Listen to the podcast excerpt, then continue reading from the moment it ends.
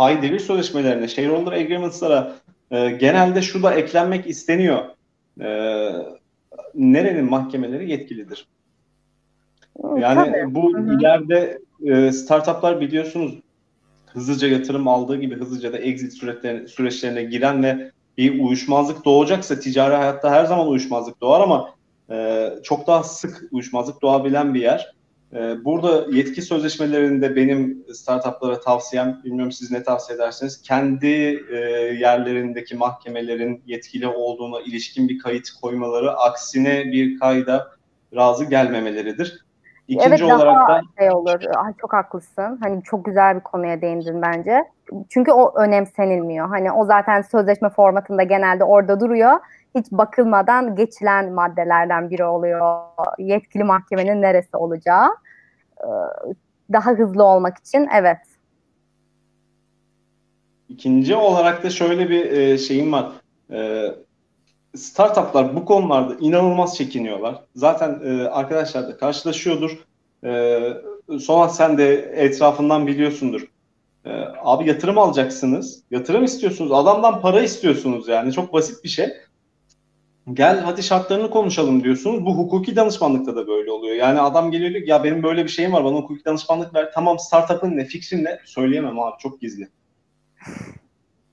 Yani bu burada şunu startupların şey yapması lazım artık e, açık inovasyon. Yani e, kimse fikrinizi çalmak istemiyor. Çalıyorsa da sizden daha iyi yapmadığı sürece bir sıkıntı yok.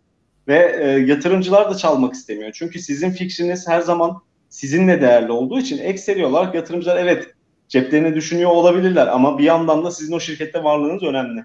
Ya zaten e, burada bu videonun burasına kadar gelebilmiş herkese tebrik ederek ederken bir yandan da e, şey e, bizim yeni nesil kafasında fikir diye bir videomuz var. En çok izlenen videomuz. Her yerde de anlatmaya çalışıyoruz. Dediğinle benzer bir şey söylüyoruz. Eğer patentlenebilir bir şey değilse e, yani hiç, senin fikrini söyleyip söylememenin hiçbir anlamı yok. Yani burada şey örneği var. Sen fikrini sakladın. Bir sene boyunca, altı ay boyunca işte e, teknolojisini kurdun ya da işte neyi, neyi söylemiyorsan onu yaptın. E, sonra çıkardın, launch ettin. İşte her yere reklam bastın. İşte hadi çıkardım dedin, satın alın bu ürünümü dedin ya da bu servisi, bu hizmeti kullanın dedin. Biri gördü fikri, aa ne güzelmiş fikir dedi. 30 tane de yazılımcısı var. Yapın abi şunu dedi. Aynısını yaptı. Yani yapması da 3 gününü aldı atıyorum. Şimdi sen bir sene boyunca sakladın fikrini, hiç kimseye söylemedin. Sonra oradaki insan da yazılımcı değil, 3 günde yaptı. Aynısını çıkardı.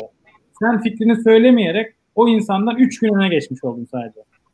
Yani e yani ne kazandın? Bir sürü insana söyleyip geri bildirim alabilirdin, ürününü iyileştirebilirdin e, gibi bir durum var. Ve çok haklısın. Patentlenebilir bir durumda o ayrı bir dünyaya giriyor. Siz daha iyi bilirsiniz. E, ama hele ki yatırım aşamasına gelmiş bir şeyse bu e, fikrini saklamak veya söyleyememek gibi bir e, komikliği düşünemiyorum.